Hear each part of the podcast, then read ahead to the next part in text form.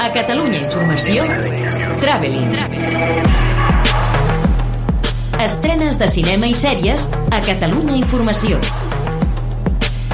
Traveling. Amb Marc Garriga. Welles. Netflix ataca els últims mesos de l'any amb tota l'artilleria, no només a la seva plataforma, sinó també a les sales. Les seves últimes dues perles passen també per la gran pantalla amb l'esperança que recopilin premis. La més important, la que en boca de molts crítics ja és la gran favorita pels Oscars, és Mank, de David Fincher. El director nord-americà sempre se l'ha conegut per ser el director de Seven, després van venir el Club de la Lucha, Zodiac o la xarxa social, i ara aborda la història de com Herman Mankiewicz va crear el guió de la que es considera la millor pel·lícula de la història, Ciutadà Kane, i al capdavant del repartiment, Gary Oldman. With Mank, you've got a great Amb Mank tens un material extraordinari, amb la deliciosa època daurada de Hollywood de fons, un gran guió i un gran director. um, a great script and you've got a great director. Quan Fincher em va enviar el guió i em va dir que faria el so d'una forma molt especial, que rodaria en blanc i negre, vaig tenir el pressentiment que potser no seria un film per tots els públics, però sí que seria una cosa fantàstica. Something great. Ja sabem que a Hollywood li encanta premiar-se a si mateix i a Mank hi ha molta intrahistòria de la meca del cinema, dels secrets del poder, de com manipula la política, però cau en l'autocontemplació massa sovint. Sens dubte és una pel·lícula totèmica que els cinèfils sabran valorar en la seva justa mesura, amb unes interpretacions, un guió, una fotografia i una música excelses, però al final té un problema important que pot deixar freds als no iniciats i acabar avorrint. A partir de la setmana vinent, als cinemes i des del 4 de desembre a Netflix. I know I could have done better, but you. L'altra aposta de Netflix és Hillbilly, una elegia rural, que també tindrem als cinemes a partir de la setmana vinent, però a la plataforma ja el dia 24. És un retrat d'una comunitat white trash, que tant ens intriguen perquè són la base de l'èxit de Donald Trump. Ron Howard adapta el llibre autobiogràfic d'un jove que va aconseguir deixar enrere aquesta herència familiar i graduar-se a Yale, un film on gaudir, sobretot, de les interpretacions d'Amy Adams i Glenn Close i de descobrir l'abocador d'Amèrica.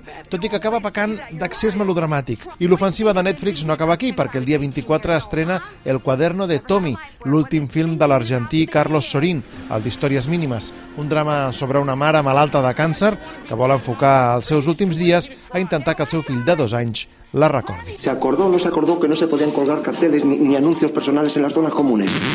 Amazon no es queda enrere i ofereix l'últim film de Javier Fesser, Històries lamentables, una divertidíssima pel·lícula de quatre relats interconnectats d'humor surrealista que porta els seus protagonistes al límit per després salvar-los. Fesser incorpora lliçons de campeones, però en realitat viatja més enrere, al món dels seus estimats Mortadelo i Filamó. Pues lamentable es una palabra que para mí incluye mucha diversión. Es todos esos momentos o situaciones en las que cuando las sufres y cuando las vives lo pasas fatal, pero luego contando a tus amigos las risas se oyen en la provincia de al lado. A la mateixa Amazon també trobarem des del dia 25 Uncle Frank, un film emotiu sobre un home que ha estat amagant durant molts anys la seva homosexualitat i que després de morir el seu pare torna a casa per intentar sortir de l'armari i presentar la parella amb la que porta convivint 25 anys.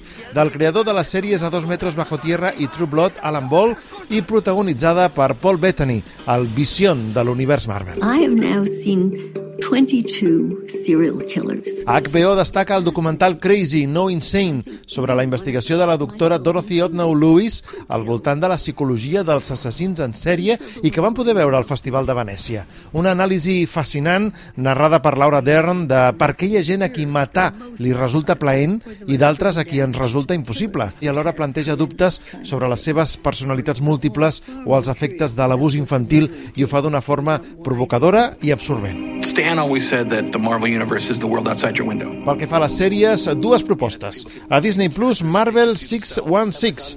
A partir del dia 20, 8 capítols documentals on s'expliquen històries fascinants que permeten entrar en aquest univers per la porta del darrere. Influències, curiositats, fandom, una delícia per als fans i una interessant col·lecció d'experiències per als més profans.